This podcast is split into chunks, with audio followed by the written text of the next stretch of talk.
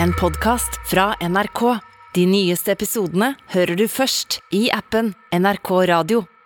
Fredagspanelet er nemlig samlet. God morgen, Marit Moe Maune, regissør. Hei. Karen Kristine Blågestad, kulturredaktør i Fedrelandsvennen. God morgen, god morgen. Fra Kristiansand også. Og Bjørn Hatterud, skribent, kurator, kritiker og nå gjesteredaktør for siste utgaven av tidsskriftet Samtiden. Det kommer på mandag. Temaet mangfold. Ja, hva er mangfold?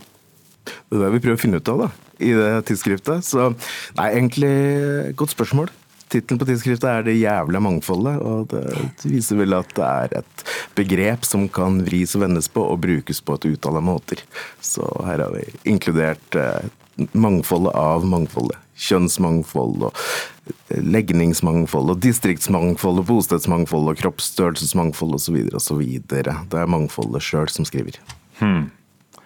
Spørsmål 1. Ny kunstutstilling åpner på Kunstmuseet Kode i Bergen i dag. Paul McCarthy, verdenskjent kunstner fra USA, har i hele karrieren sin ofte sjokkert, og han har et budskap. Han sier det sånn selv. Jeg er ikke en som kan unnslippe det som plager verden, vi er alle dypt inni det, den korrupte verdenspolitikken. I'm not someone who can escape the issues that, uh, you know, trouble the world. We're all deep into this, the corruptness of global politics, right? Til Bergen har han laget flere nye arbeider. Maleriet med noe som ser ut som dritt påsmurt fra taket i den store lyshallen. Dingler Hitler og elskerinnen Eva Braun nakne. Og en videoinstallasjon med Donald Trump og Nancy Reagan og ja, skal vi si en pornoskuespillerinne. Den har fått 18-årsgrense, og selv pressen ble skånet for å se avslutningen av den. Her er det sex og vold. McCarthy bruker det museet selv kaller groteske og voldelige uttrykk. Spørsmålet er går det fortsatt an å provosere, Karen? Ja, det gjør det. Marit? Ja. Bjørn? Ja. Uh, og det trengs? Trengs og trengs. altså Provokasjon er ikke, er det samme som god kunst, f.eks. Uh, når det er sagt, så er Paul McCarthy definitivt god kunst, men å provosere er jo verdens enkleste ting. Altså Jeg kunne jo bare gått på en eller annen plass der det er mye folk, og bort til en tilfeldig eldre dame og slått til henne i ansiktet, så vil jo folk bli provosert. Altså, Provokasjoner er enkelt å lage, men det å lage god kunst er vanskeligere. Nå har ingen av oss sett utstillingen. Den åpner eh, i dag. Bare noen få utvalgte har sett den nå. Men vil dere bli provosert etter det dere har sett av bilder og kjenner til Paul McCarthy? Jeg syns Bjørn sier det veldig bra. Jeg blir jo redd. Man blir jo påvirka. Og Det er jo derfor virkemidlene i kunsten derfor vi må diskutere, vi som jobber med det her. Vi må diskutere og vite hvem vi er og vite hva vi gjør og analysere, for å bruke de virkemidlene riktig. Jeg er ikke så spesielt provoserende kunstner. Men jeg setter utrolig pris på dem som velger å gjøre det. Jeg syns fortsatt det er tullete å si, men piken med svovelsekkene treffer meg som vold. Det provoserer meg fortsatt. Det vil si det som det trenger, Du trenger ikke å kle folk og henge dem i tak for at det påvirker meg fysisk og psykisk og gir meg en slags reaksjon. Og så er det da spørsmålet opp gjennom tida skal kunsten være moralsk, politisk.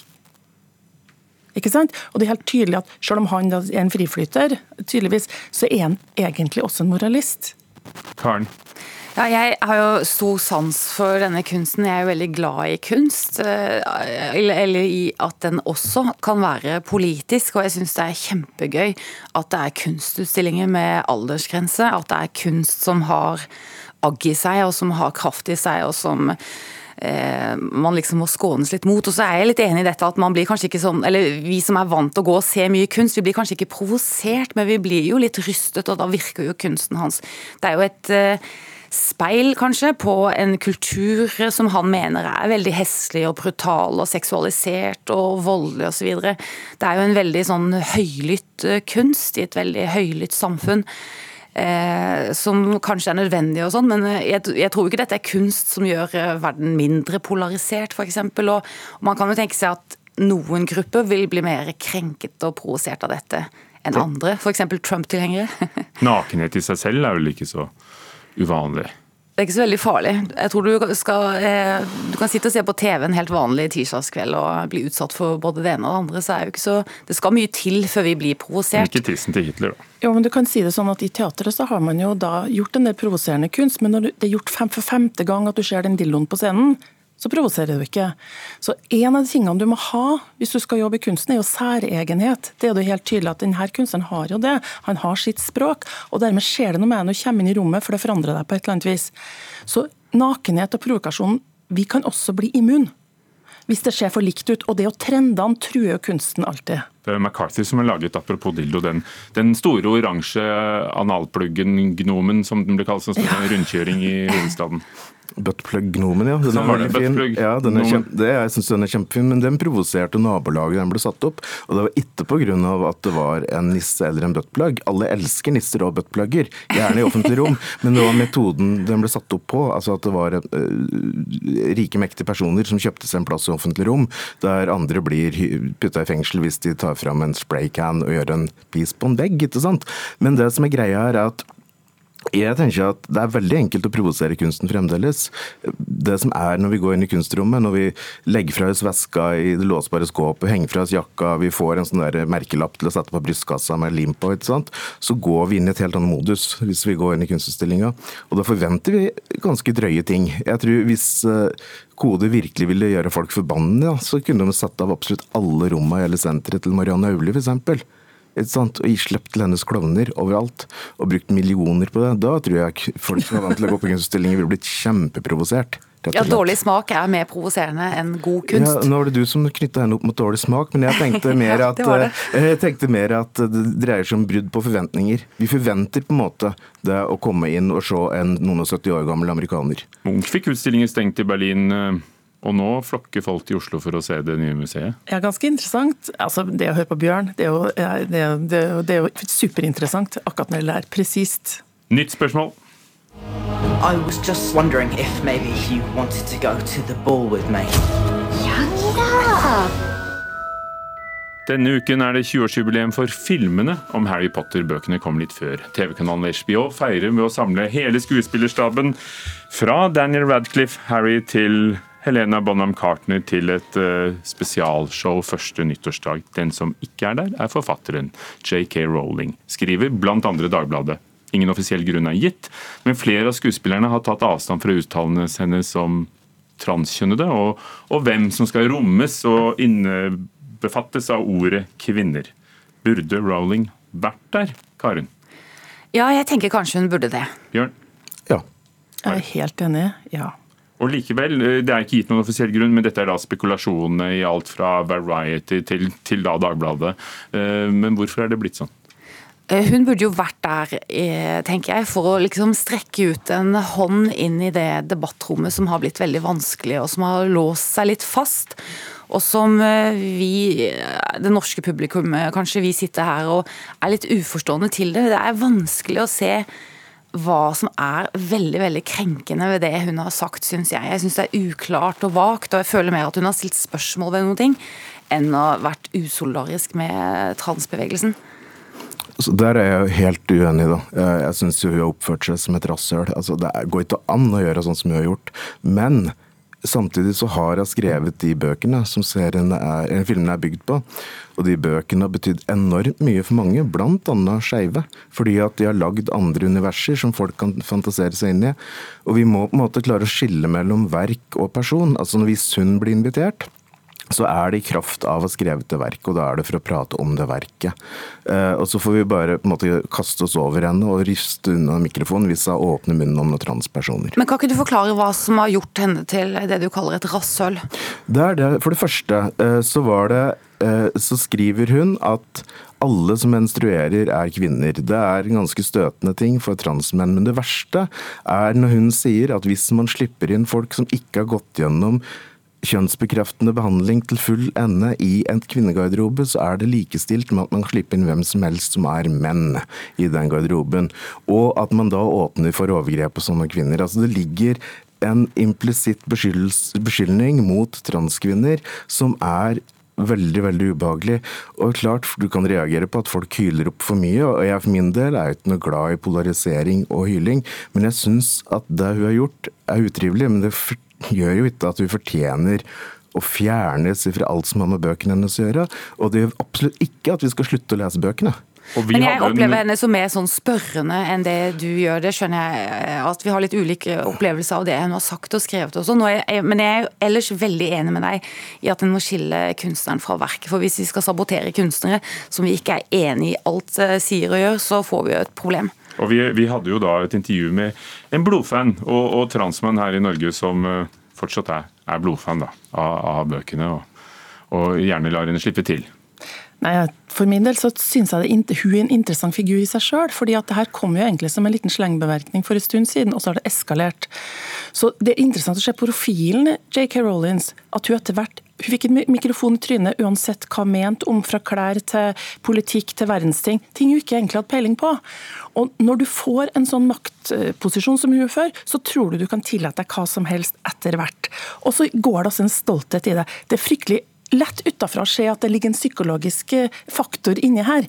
Det som er interessant, er jo det at du kan ikke si at Harry Potter har oppstått fra ingenting. Harry Potter er hennes verden. Akkurat som eh, bøkene til Hamsun er Hamsun sine bøker. Kan, så, er, så, så, så, skal vi være kritiske til hun, men det er jo helt merkelig at folk vil være med på filmene hennes, men ikke vil ta henne i hånda. Det syns jeg er merkelig ståsted. Jeg har vært på veldig mye fester med mange sexister gjennom årene. De har ikke vært så villige til min kjønn og hvem jeg er. Så det vil si at Vi er nødt til å finne oss i verden, og møte verden og konfrontere verden. Og gå på festen sammen. Og gå på den jækla festen. Jo, men uh, nå veit vi jo ikke sikkert om det er den veien. Det kan hende at hun har takket nei ja. også, pga. at hun har blitt kritisert så heftig av de eh, skuespillerne. Og ja, eh, For den som orker, så har hun også skrevet et litt lengre essay som ligger lett tilgjengelig med hva hun mente. Ja, jeg skulle til å si, altså Hun har jo gjort mer enn bare uttalt seg til en mikrofon. Hun har skrevet gjentatte ganger eh, om transting som jeg syns er ganske problematisk. Og, men samtidig er det sånn at de, noen av de beste forfatterne i verdenshistorien har hatt problematiske meninger. Altså Ta Roald Dahl, da, som jeg vil kunne si er sammenlignbar, som jo var antisemitt, dessverre. Og familien hans som da de, de prater jo om det her også, og de beklager det. Mm. Vi må jo lese bøkene likevel. Og så må vi vokte oss veldig for den sabotasje, saboteringskulturen som vi ser eh, spesielt kanskje i USA og, og litt av i Storbritannia. At vi må på en mm. måte snakke sammen selv om vi syns hverandres meninger er utrivelige og uakseptable. Og det er ikke god grunn nok for å sabotere. Vil ikke jeg sabotere det spørsmålet, men vi går litt videre. Eh, og dette skjer før første nyttårsdag, kanskje får vi vite noe mer. Det er kamp om plassen på scenen i kulturhusene for tiden. Julekonserter og turneer og forestillinger, og alle skal inn der. Men i salen er det glissent. Eh, folk kjøper ikke så mye billetter som før, og da sier kulturminister Anette Trettebergstuen dette. Det er jo ikke bra, for vi vil jo nå få fullt trøkk i kulturlivet igjen. Det er trygt å gå på arrangementer. Jeg oppfordrer folk til å gjøre det. Må vi kjenne vår besøkelsestid og gjøre som hun sier? Absolutt. Ja. Ja, det må vi. Eh, skal vi se det for å være solidariske, eller fordi vi tror folk lager bra ting og vi er trygge nok nå? Nei, det er fordi at eh, det skjer så mye bra. Det er sånn trøkk i kulturlivet nå. Eh, Sjøl jobber jeg på Nasjonalballetten. Vi får noen greier som er helt fantastiske ting inn nå. Og vi ser jo at vi må jobbe litt for billettsalget. Jeg tror rett og slett at folk har fått en slags altså, Dørstokkmila har blitt litt lang. Jeg tror man har isolert seg. Man blir tvunget til å isolere seg, så har man gått inn i den rollen skal ikke psykologer se så mye rundt det, men det gjelder jo hele kulturlivet. Eh, og nå er det bare å Jeg tror vi trenger litt tid. Kan ikke vi bare liksom sakte, men sikkert komme oss ut? Eh, det er ikke farlig å være på norske scener. I salene. Altså, så lenge myndighetene sier at vi kan gå ut og møte folk, så bør vi gjøre det. Så enkelt er det. Og det er masse kultur der ute. Og jeg tror mange av oss er litt sultefòra nå. Kanskje litt lei av sofaen, på en måte, etter ett og et halvt år. Og Kanskje kommer det sånne koronapass eh, i flere kommuner? For å vite mer om i dag. Hva tror du, Karen? Vil det, vil det gjøre det lettere for noen å bestemme seg? Ja, jeg tror jo kanskje koronapass vil avhjelpe den situasjonen noe. Vi frykter jo, eh, litt som nevnt her, at vi har fått en sånn post-korona-atferd som, eh, som, har gjort noe med den dørstokkmila. At vi har blitt, fått litt endrede vaner. Og kanskje også litt sånn fortsatt frykt for store menneskeansamlinger og sånn. Men jeg tror koronapass vil avhjelpe, og det syns jeg at og håper at blir innført. Eh, at det blir lov å bruke litt sånn større omfang i dag ved begivenheter. Ja, absolutt. Og jeg kjenner på meg sjøl at jeg er mye dårligere til å gå ut nå enn jeg var før. Eh, men jeg vil si at på en del av de stedene som folk er vant til at der er det utsolgt, vet du, så er det ikke det.